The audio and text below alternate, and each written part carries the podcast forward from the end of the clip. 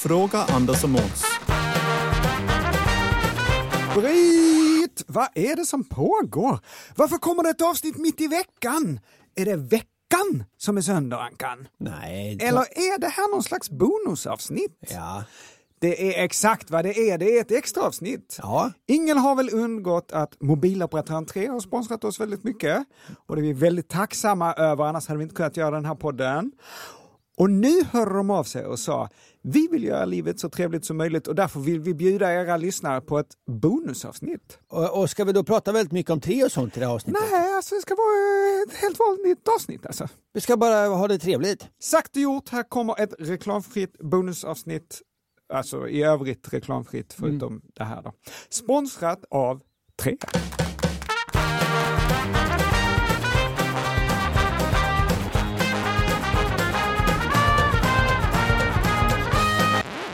Bryter igen! Ja, det gör vi. Hej Anders och Måns! Har slängt ihop en värra av er introlåt inspirerad av en sitcom som alltid gick på tv när man kom hem från plugget i mitten av 90-talet och käkade ostmacka framför tvn. Allt gott, David. Spännande. Jag ska se om jag kan lista ut vad det är för någonting då.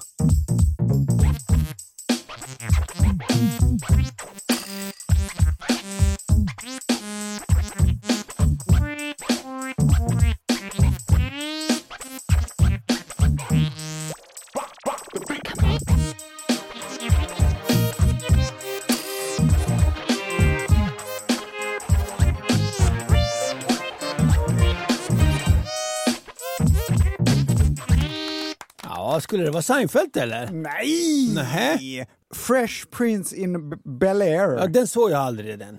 Will Smith. Han var Fresh Prince. Tusen tack David!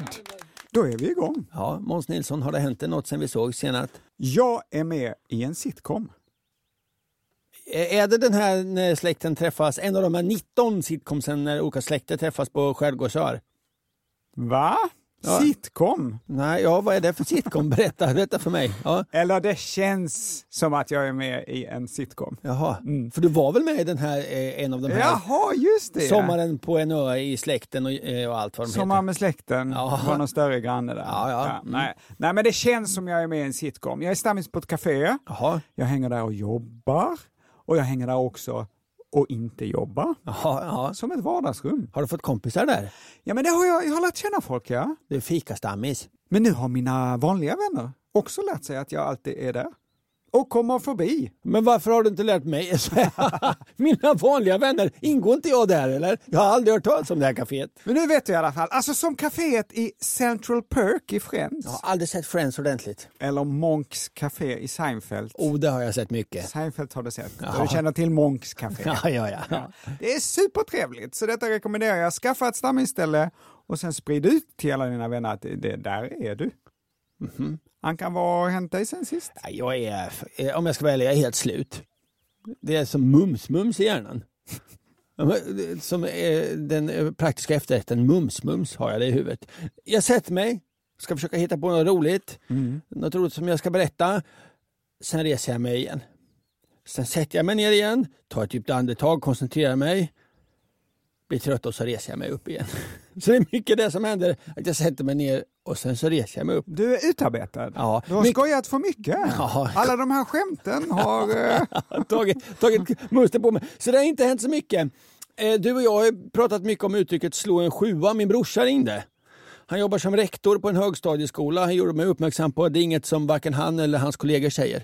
Annat, lite udda, en till mig närstående har sagt att mitt språkbruk liknar, håll i det, Sten Tolgfors språkbruk. jag, jag känner igen namnet men jag vet inte vem detta är. Nej, visst är det konstigt? Sten Tolgfors var försvarsminister 2007 till 2012, numera landshövding i Västra Götaland. Jag vet inte om det här är bra eller dåligt. Jag vet bara att vårt språkbruk liknar varandra. Eh, jag vet inte hur Sten Tolgfors pratar, jag vet inte om det är en komplimang eller om det är motsatsen. Jag vet att vi inte har samma Ska vi, dialekt. ska vi se om vi kan hitta ett klipp när Sten Tolgfors snackar? Vi, här kommer det. Ja, okej. Det som händer i Stenungsund är ju unikt skulle jag säga. Vi talar om kanske 10 miljarder i inkommande investeringar över en ganska begränsad tidsperiod när hela klustret av eh, företag här ställer om i, i, i grön riktning. Jo Måns, häromdagen så skulle jag gå ut och äta och drabbades återigen av något som jag hatar. Det som jag kallar potatisen. Ja, alltså det var alltså inte så att jag fick potatis. Nähä. Jag är förtjust i potatis. Potatis har inte gjort mig något ont. Potatis är den bästa maten. Kanon med potatis. Ja. Mättande och nyttig. ja, billig. Och god. Du vet Måns att jag gör generellt inte av med sådär jättemycket pengar. Det är en hel del på rostiga bilar från 80-talet men annars är jag ganska ja, modest sådär. Men finns det något som jag älskar så är det att äta mat på restaurang. Jag, jag är inte någon matnörd. Jag är inte intresserad av vin. Det är tvärtom det absolut tråkigaste jag vet. Inte vin då, men människor som vill prata om vin. Men jag gillar då att äta ute, sitta, pokulera, bli sen. Och nu har det då uppstått ett problem. Potatisen. Det sprider sig som ringar över Sverige och jag håller på att bli, jag är inte tokig, men lite trött på detta alltså. Vad är det med potatisen som sprider sig? Fenomenet potatisen ser ut så här. Man slår sig ner, man tittar på menyn och känner oj, allt det här verkar gott. Strax kommer det fram serveringspersonal och säger i 90% av fallen "Hi, känner ni till vårt eh, koncept? Och inom mig så skriker en röst Ja! Är det mellanrätter? Men istället så säger jag nej, berätta. Då förklarar vederbörande exakt så att det handlar om ofta ljumna mellanrätter och att de rekommenderar att äta två, kanske tre för att bli riktigt mätt. Mm. Det är okej, jag äter gärna tre rätter. Ja, det är ju härligt med Ja. den här variationen. Ja, men då är det dumt att varje rätt kostar 190 spänn. Rätterna brukar heta sparris och så står det lite om goda saker som står, eh, ligger runt sparrisen. De kanske heter kronärtskockan och så står det beskrivet olika goda saker som ligger runt kronärtskockan. Eller så kanske det är någon spanskklingande skinka eller så heter det just potatisen med svåra ord om gott kring potatisen. Jag vet, det här kommer vara gott. Jag äter gärna tre mellanrätter men jag betalar inte lika gärna för tre huvudrätter och behöver äta stuvade makaroner när jag kommer hem. Ja, men Ankan! Ja, mellanrättssyndromet och jag vet Ja. Måns, ja, det låter gubbigt det här, att det är en gammal spaning. Ja, men- Fin mat ska vara två korslagda sparrisar. Ja, ja. Det skojade väl Tor Modén om på 1300-talet. Mm. Men det är sant. Men det finns ju andra Du, restauranger. i torsdags så gick jag på en restaurang Ja, men varför gick du jag- på just den restaurangen? Varför går du på så jag fisförnäma fick mat med, maträtten salladen. Det är sant. Ett fat, Fick du beställde väl? ja, ett fat fyllt med en och samma sallad med dressing och så lite nötter. 150 spänn! Du går på fel restaurang. Det finns restauranger där du kan få spagetti med Ja, köttfärssås. men det håller på att sprida sig. Restaurangerna smittar varandra. I fredags så gick jag på en klassisk italienare. Där fick jag fett, pasta, grädde och vitt vin och blev svinmätt och jätteglad. Annars som sagt mest mums-mums i huvudet. Därför ska det bli lite extra trevligt att göra det här med dig idag. Mysa lite, prata fakta. Nu kör vi! Föda upp gris är mitt liv i kvadrat När man har det som yrke får man inte vara lat När grisar de ska skötas om allt ska ge resultat Här ligger jag så vem ska nu ge mina grisar mat? Ankan, Ja. nu kommer du bli glad. Vi har fått en fråga om bilar. Haha. Det är Peter som skriver, hej, varför blir bara röda bilar solblekta? Varje gång jag ser en bil med riktigt dassig, tråkig och matt lack så är den röd. Hur kommer det sig? Allt gott, Peter. Jag tror att svaret är att det är på rött, det syns bäst. Men själv så köpte jag för inte alls många veckor sedan en Saab 90 från 1985. Ja, Den har färgen, fick jag veta av eh, designern själv, Antilop beige. ja. ja underbar färg. ju. Och den... Om man ska måla om hemma, så nu för tiden heter de sånt som Ja, mussla, heter de inte, men du vet, de Ja. heter snöflinga. ja vårkänsla. Ja. Ja. Varför heter de inte Antilope beige. Vilken jävla bra namn alltså. Vadå av, av designen? Jo, eh, mannen som konstruerat bilmodellen eh, berättade att han eh, tillsammans med en konstruktör och en konstnär varje år i samarbete med Saab tog fram Saabs färger. Jaha. Eh, och den här konstnären hade då döpt den här beigea bilen till Antilope beige. Men du skulle komma någonstans i ditt resonemang. Jo, och det syns att den har blivit blekt. Trots att den från början är blek. Men till och med jag som inte är bilintresserad, jag känner igen detta alltså. Man går på stan, när, det, när man ser en bil med riktigt dassig lack så är den ofta röd från början och nu är den typ laxrosa eller något. Först och främst, Ankan har fel, Peter har rätt. Röd färg bleks fortast av alla färger. Jaha. Medan vit färg håller längst. Jaha. Och det är också svårt att se på vit färg när den har blivit blekt, tänker Ja, jag. ja. Däremot så syns det på, på vit färg om folk har rökt inomhus. Men det är något helt annat. Om de har rökt inomhus utanpå bilen och sen haft bilen inne i vardagsrummet, eller? Nej, vi, det var ett felspår. Det var ett felspår. För att förklara det här så tänker vi oss regnbågen. Rogbiv kommer vi in på som klassikern heter. Just det, ljusets spektrum. Rogbiv, vitt ljus delas upp i färgerna Eh, röd, orange, blå, gul, gul, blå, grön, grön. blå, blå. indigo och violett. Det är satt. Det här är ljusets spektrum, det vill säga alla de våglängder av ljus, alla de färger som det mänskliga ögat kan uppfatta. Det finns ju andra våglängder av färger som andra djur kan se. Fåglar, fiskar och reptiler kan se ultravioletta färger. Och detta gör ju att de uppfattar världen på ett helt annat sätt än vad vi gör.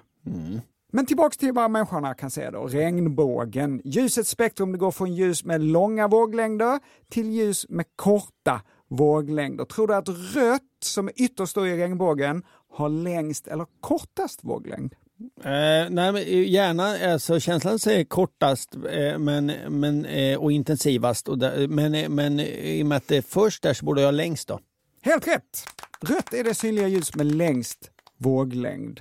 Och sen blir det då kortare och kortare våglängd till violett på andra sidan spektrumet som har kortast våglängd. Hur går det då till när vi uppfattar färger, Anders? Mm, jo, det, eh, det, det speglar, eh, vå- våglängderna når ögat och då känner de här tapparna och stavarna av vilken längd de har och så tänker hjärnan till lite grann och så får vi se, det var rött. Du vet vad, jag, jag ska ge dig fyra pennor. En sekund bara. Här har vi då vit, röd, blå och svart. Pennorna reflekterar ljus som studsar in i dina ögon och uppfattas som färger. Det är samma ljus som träffar alla de här pennorna här på bordet, men de reflekterar olika våglängder av ljus och det är därför du uppfattar att de har olika färg. Den vita pennan, Ankan, vilka ljusstrålar, vilka våglängder ljus reflekterar den? Nästan alla då. Exakt! Vitt är alla våglängder i spektrumet, vitt är summan av alla färger. Sen tar vi då på andra sidan den svarta pennan, Ankan. Vilka ljusstrålar, vilka våglängder ljus reflekterar den? Nästan inga. Inga! Svart reflekterar inga våglängder i spektrumet och det är därför man ibland hör att svart inte är en färg, utan avsaknaden av alla andra färger. Den svarta pennan träffas av ljus, precis som alla de andra pennorna, men istället för att reflektera något av det så absorberar den allt ljus av alla våglängder. Den suger åt sig energierna där. Ja, men precis. Och det är ju därför som svarta saker blir varma. Ljusvågorna som träffar något svart innehåller ju energi, svart absorberar det och blir varmt då. Och det är därför sommarkläder inte är svarta utan vita. Okej, så det var den vita pennan och den svarta pennan. Så har vi då kvar den röda pennan och den blå pennan. Och de är inte så kategoriska som vitt och svart, utan de reflekterar vissa våglängder av ljus och absorberar andra.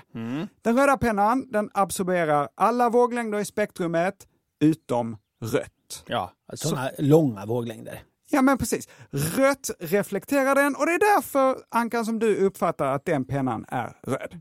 Samma sak med blåa pennan, den absorberar alla våglängder i spektrumet utom blått som den reflekterar och därför vi uppfattar att den är blå.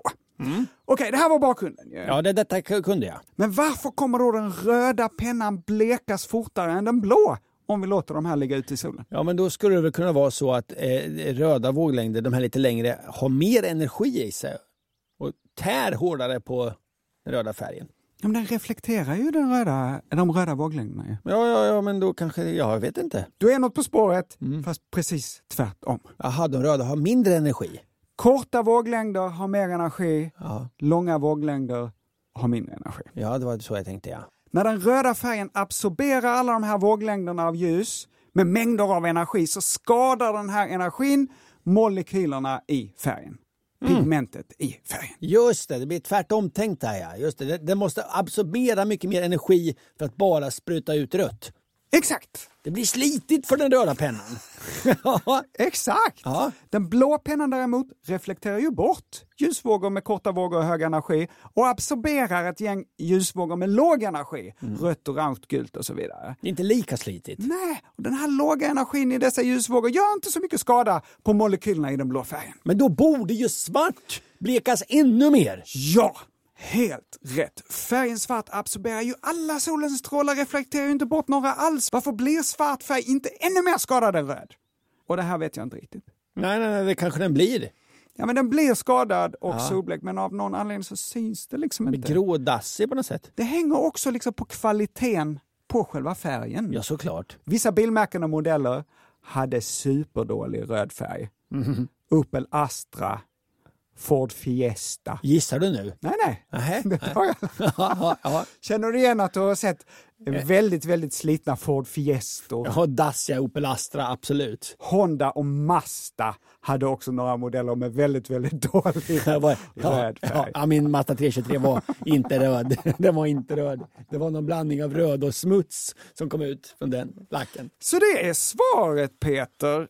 Röda bilar blir faktiskt mer solblekta. Och det har att göra med att de absorberar ljus av våglängder som är skadliga för färgen.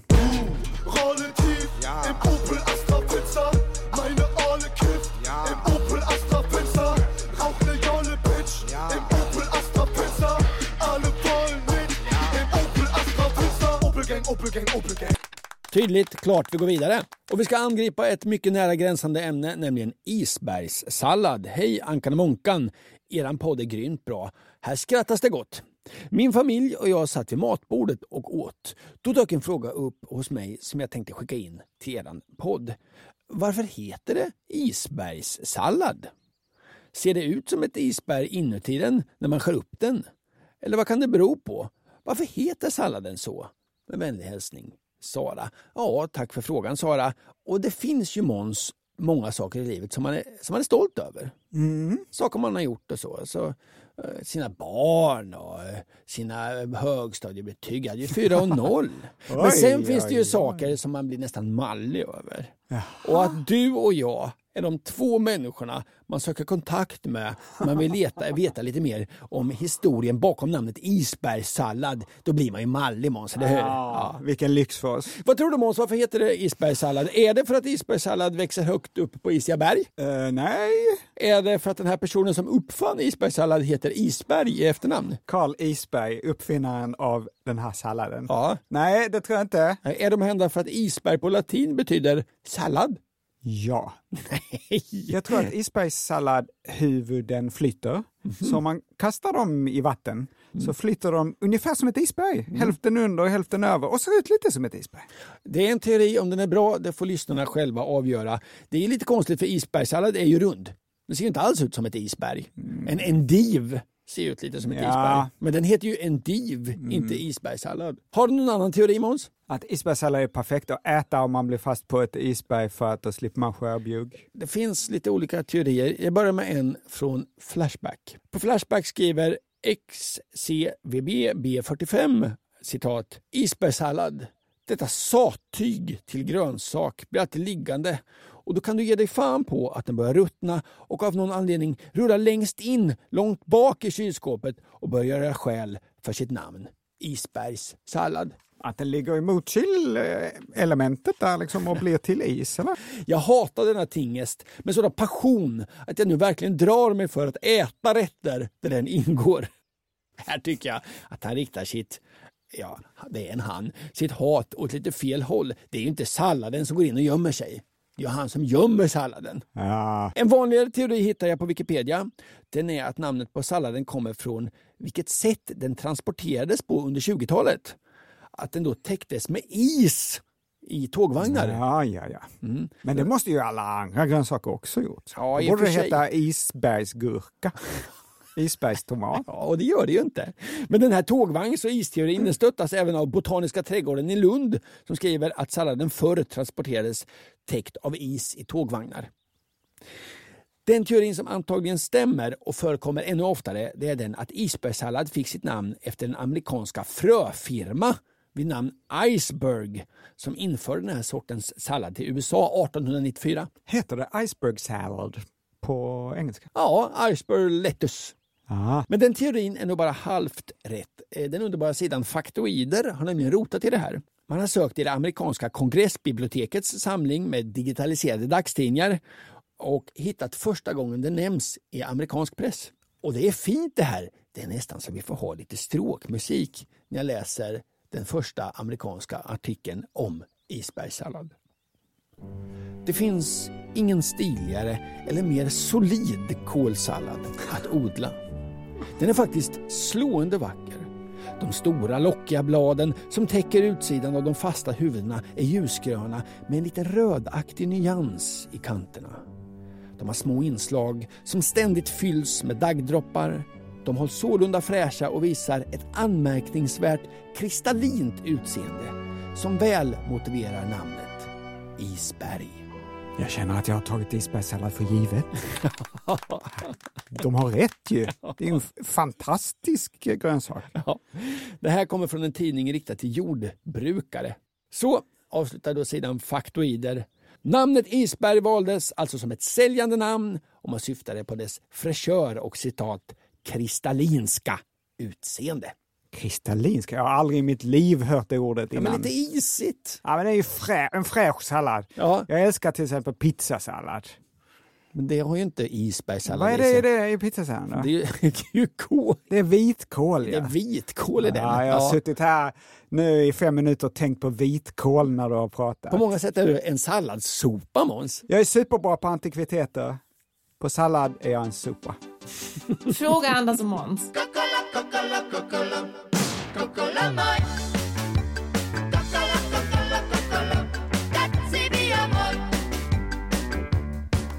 Vi har fått återkoppling om skiftnyckelns ursprung. Jaha, då får vi spela gingen.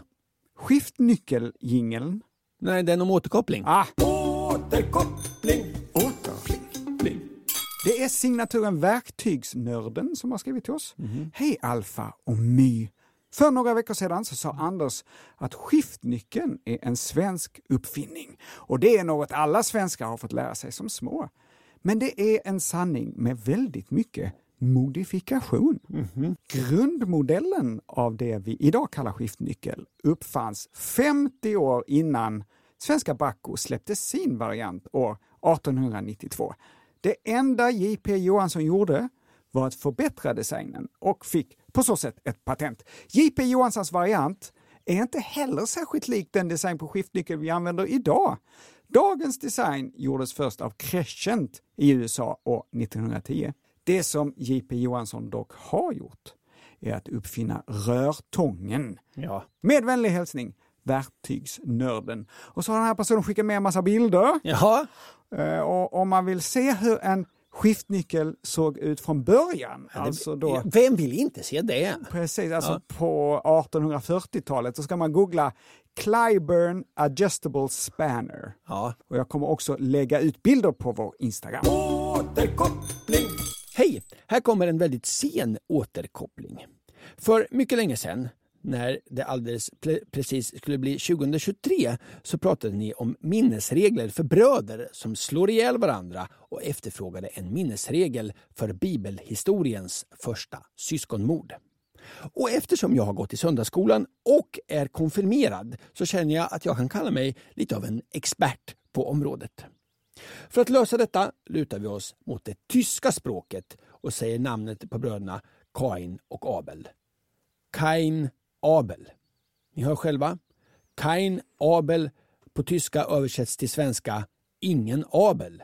Abel är borta, Alltså är det Kain som dödade sin broder Abel. Fiffigt. Tack för en fin podd. Det här skriver Fredrik. Von zwei Brüdern wollen wir singen, die einst Gott ein Opfer bringen. Nur das Beste soll es sein.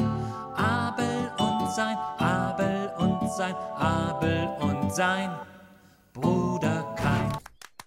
Anders, vi har fått en fråga från Lisa i Linköping. Hej Anders och Måns! Absolut torr kan man använda under armarna för att inte svettas, men då kompenserar kroppen genom att svettas mer på andra ställen. Jag och min kompis undrar vad som skulle hända om man smorde in sig med Absolut torr över hela kroppen, förutom på stortån.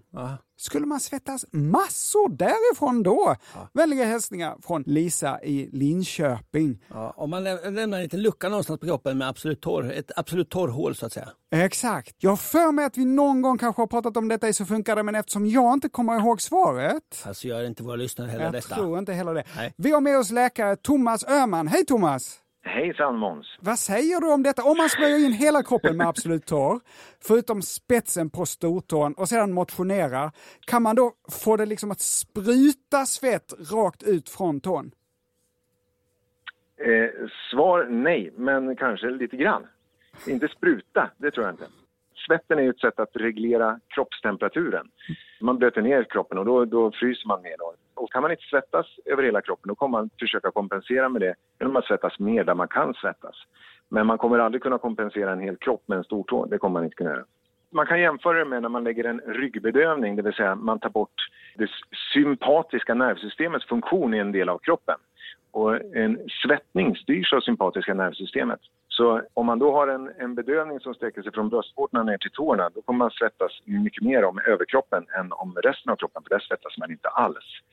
Samma sak, vilket är mycket vanligare, att man faktiskt inte riktigt håller kroppstemperaturen. Då kommer man skaka om överkroppen mycket mer eftersom man inte kan skaka alls med underkroppen. Men Thomas, då hade alltså Lisa och hennes kompis rätt. I princip I får vi säga. Man svettas extra mycket om stortån om man smörjer in sig med Absolut torr över resten av kroppen. Absolut, men det är inte att rekommendera att testa. Nej men visst fanns det någon sån där skröna när man var liten? Att eh, någon som har sm- smort in sig med guldfärg eller målat sig med guldfärg över hela kroppen. Ja. Dog av det. Kommer ni ihåg? Eh, jag själv känner igen det från någon Bond-film, den här eh, kvinnan som sitter målad i guld, eller Goldfinger. Det har jag hört en skröna om att hon inte mådde något bra när de hade målat henne med guldfärg, för då täppte man igen så hon inte kunde svettas ordentligt. Tusen tack Thomas! Tack så mycket.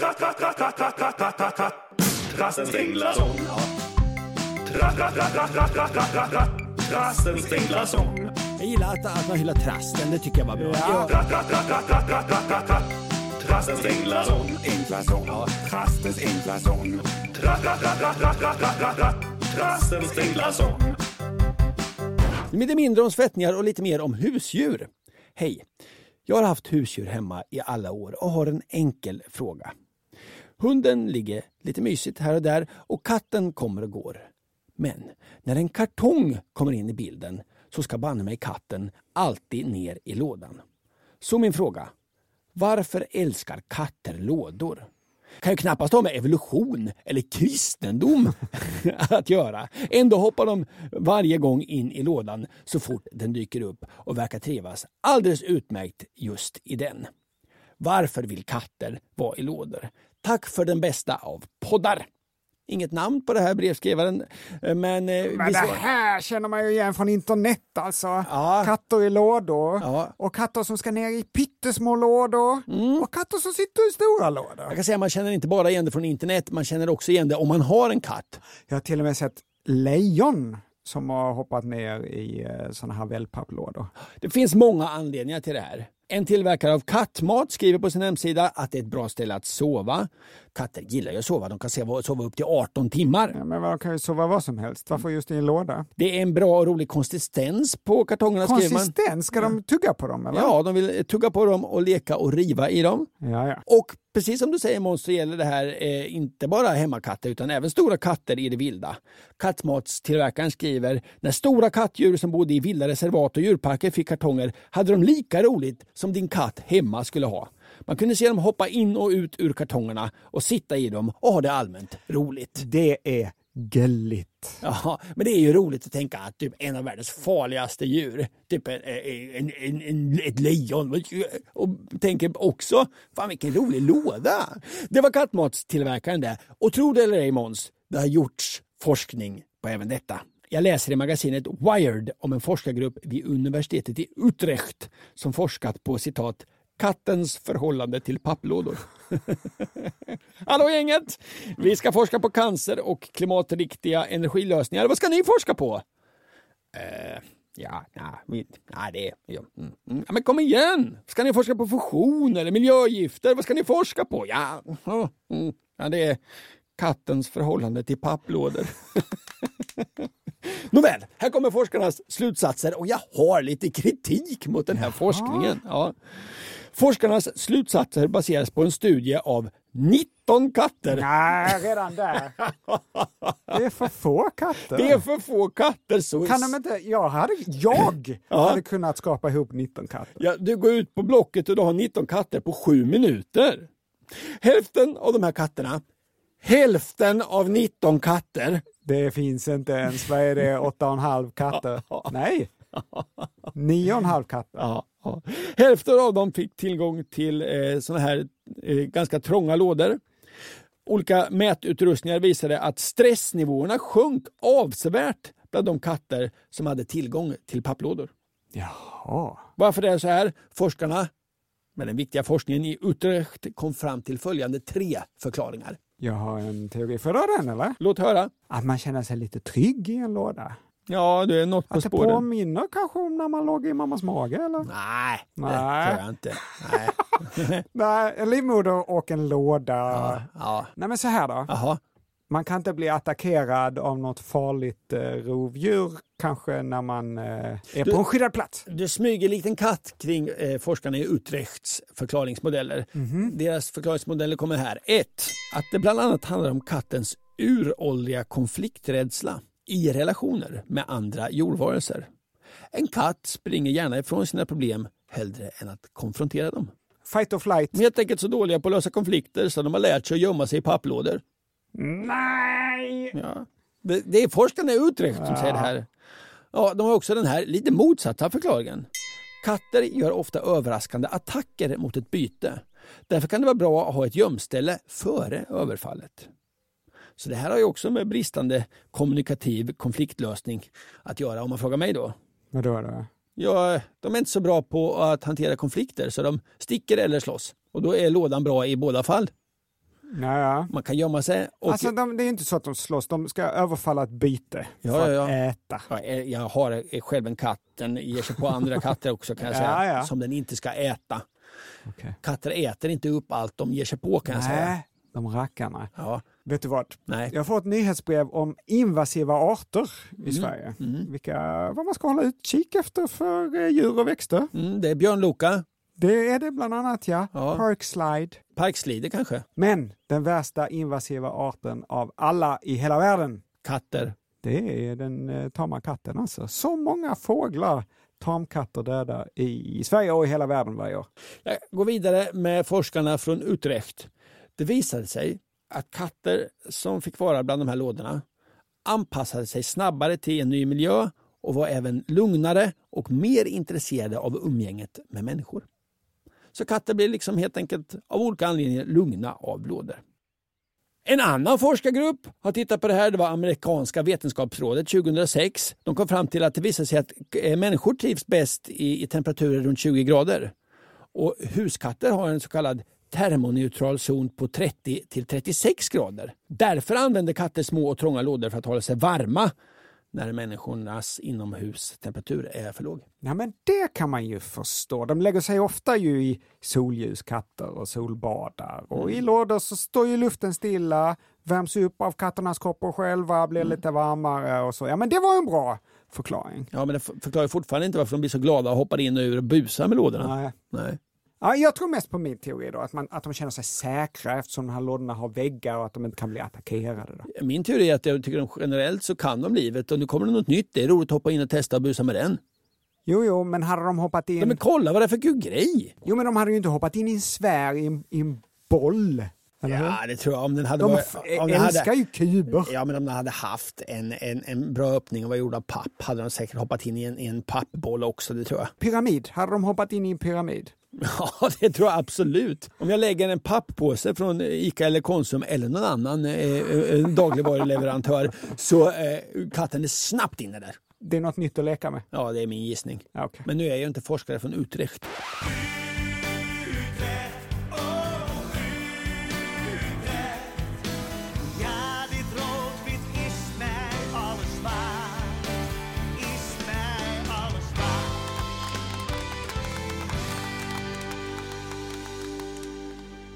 Apropå husdjur Måns. Jag körde bil hit. Framför mig körde en bil med sån här varningsdekal på bakrutan. Varning, hund i bil. Hur förväntas jag reagera? Hur ska jag förhålla mig till Ja, den här men du ska hålla avstånd såklart. Det är ju livsfarligt med en hund som kör bil. Jag måste förhålla mig på samma sätt till alla bilar. Barn i bil finns ju. Ja, jag ska inte köra in i någon bil. Nej. Jag tycker det är sött att du på din bil har en sån där, såna där klisterdekaler som visar en liten familj, hur din familj ser ut. Att det är en pappa, Nej, det har jag inte Måns. Nej, det har jag inte Och Måns. så två barn. Nej, det har jag inte. streckgubbar på bakrutan. Det är supersött Anka. Det här retet är, är, är så konstigt. Men okej, okej, okej. Ja.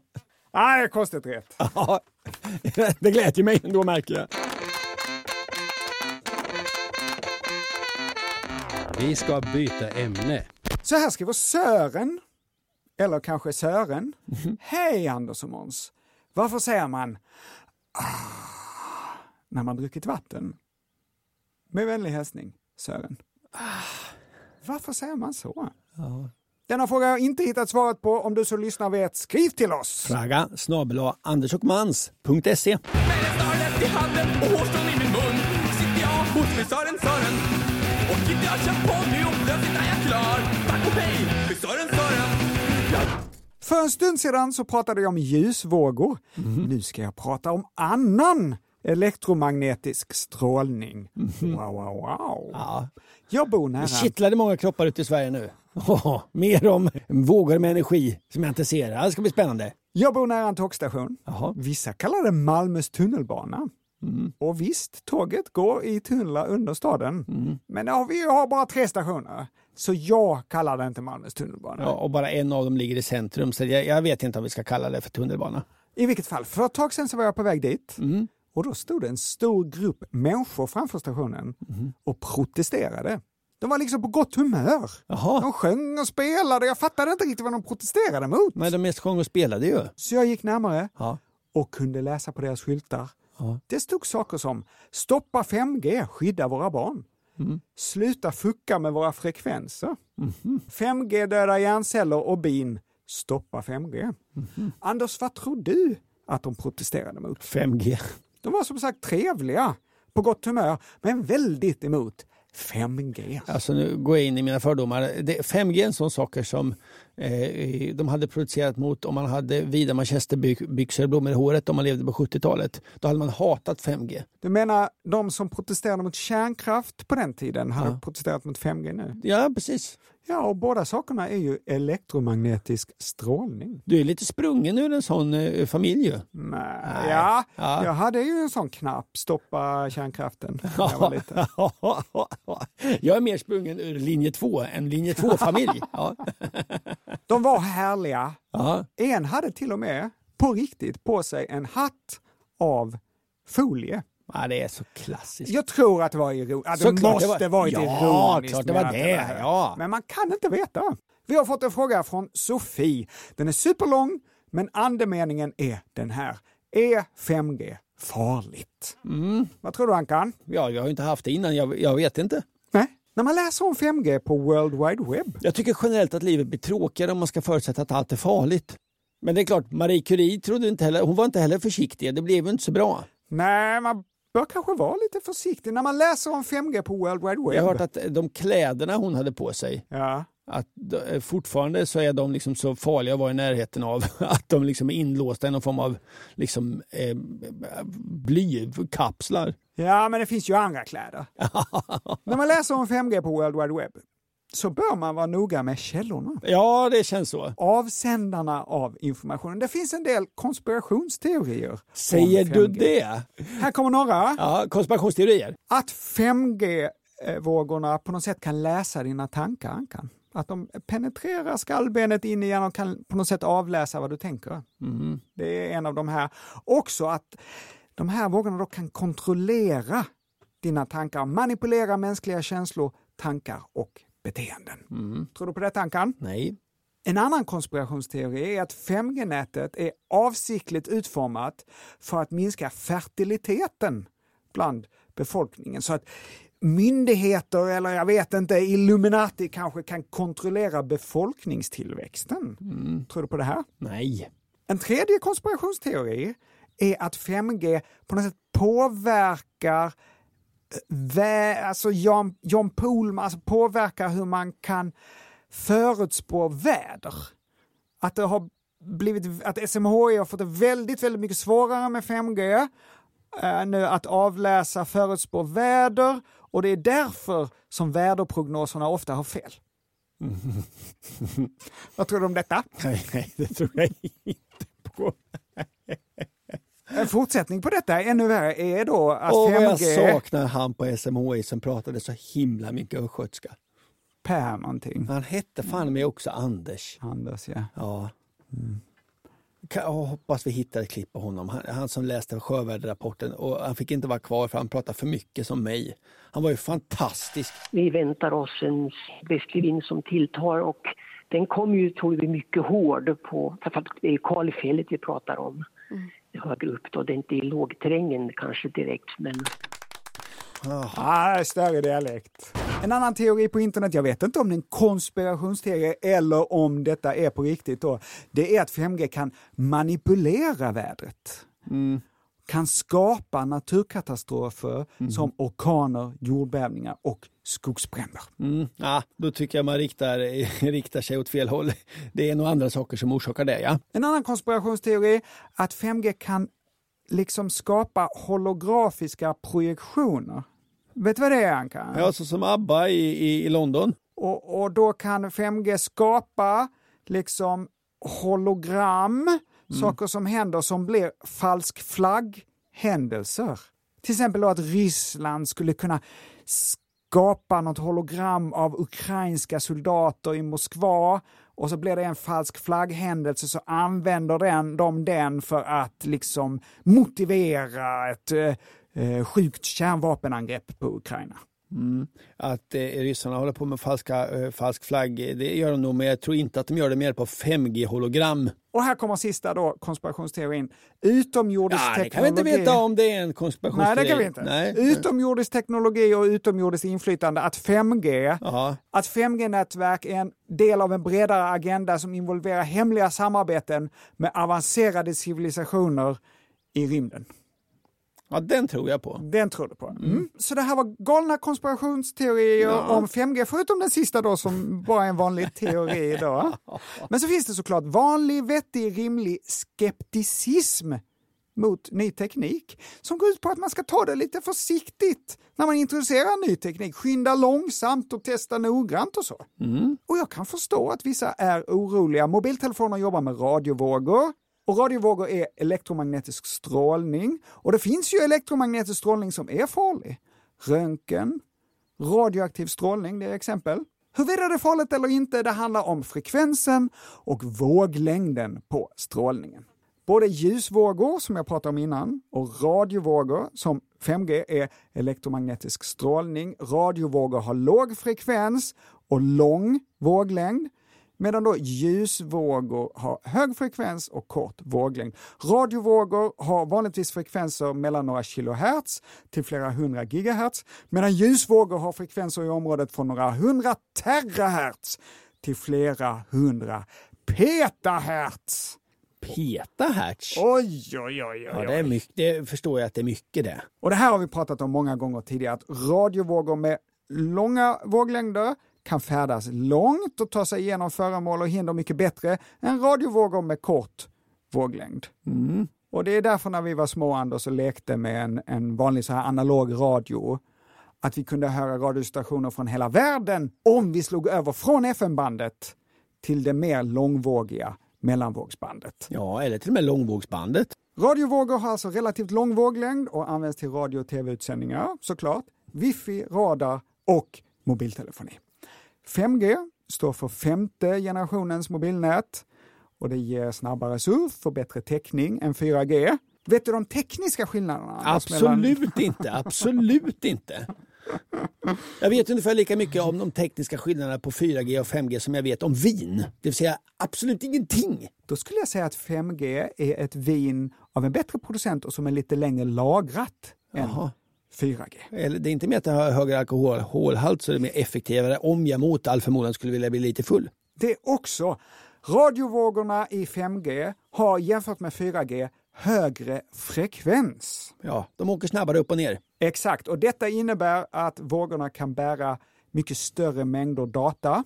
När man börjar komma in på det här, alltså man har blivit så van med de här begreppen, men att energivågor som åker upp och ner Ja, bär med sig data överhuvudtaget, det är obegripligt för mig. ja, ja. Jag, jag har försökt hundra gånger att förstå hur en vanlig FM-radiovåg förstår. Jag fattar inte. Jag förstår inte heller.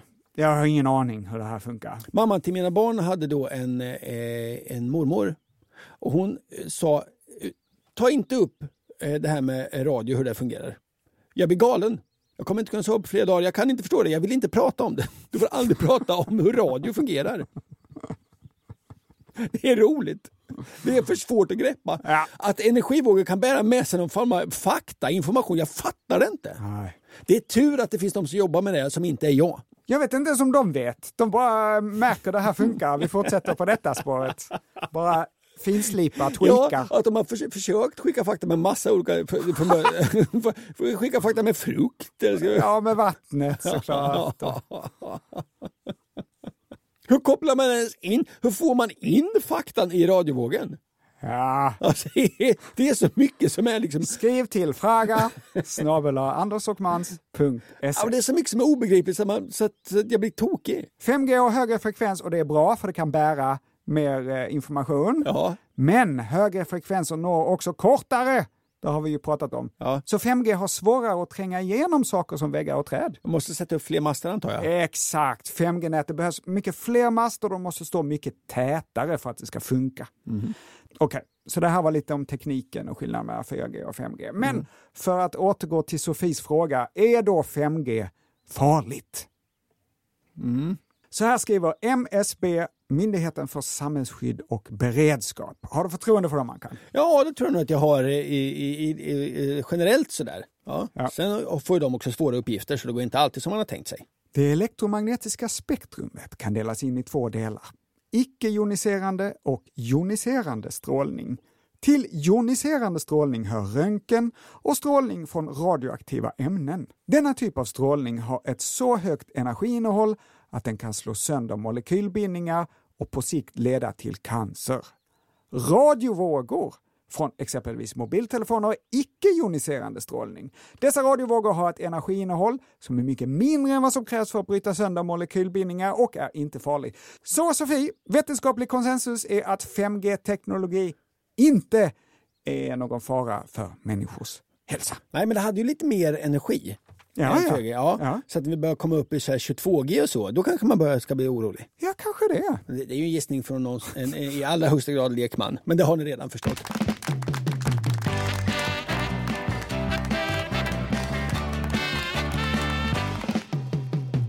Vilken trevlig stund vi har haft Måns. Det var allt vi hade att bjuda på i det här avsnittet som dök upp lite överraskande.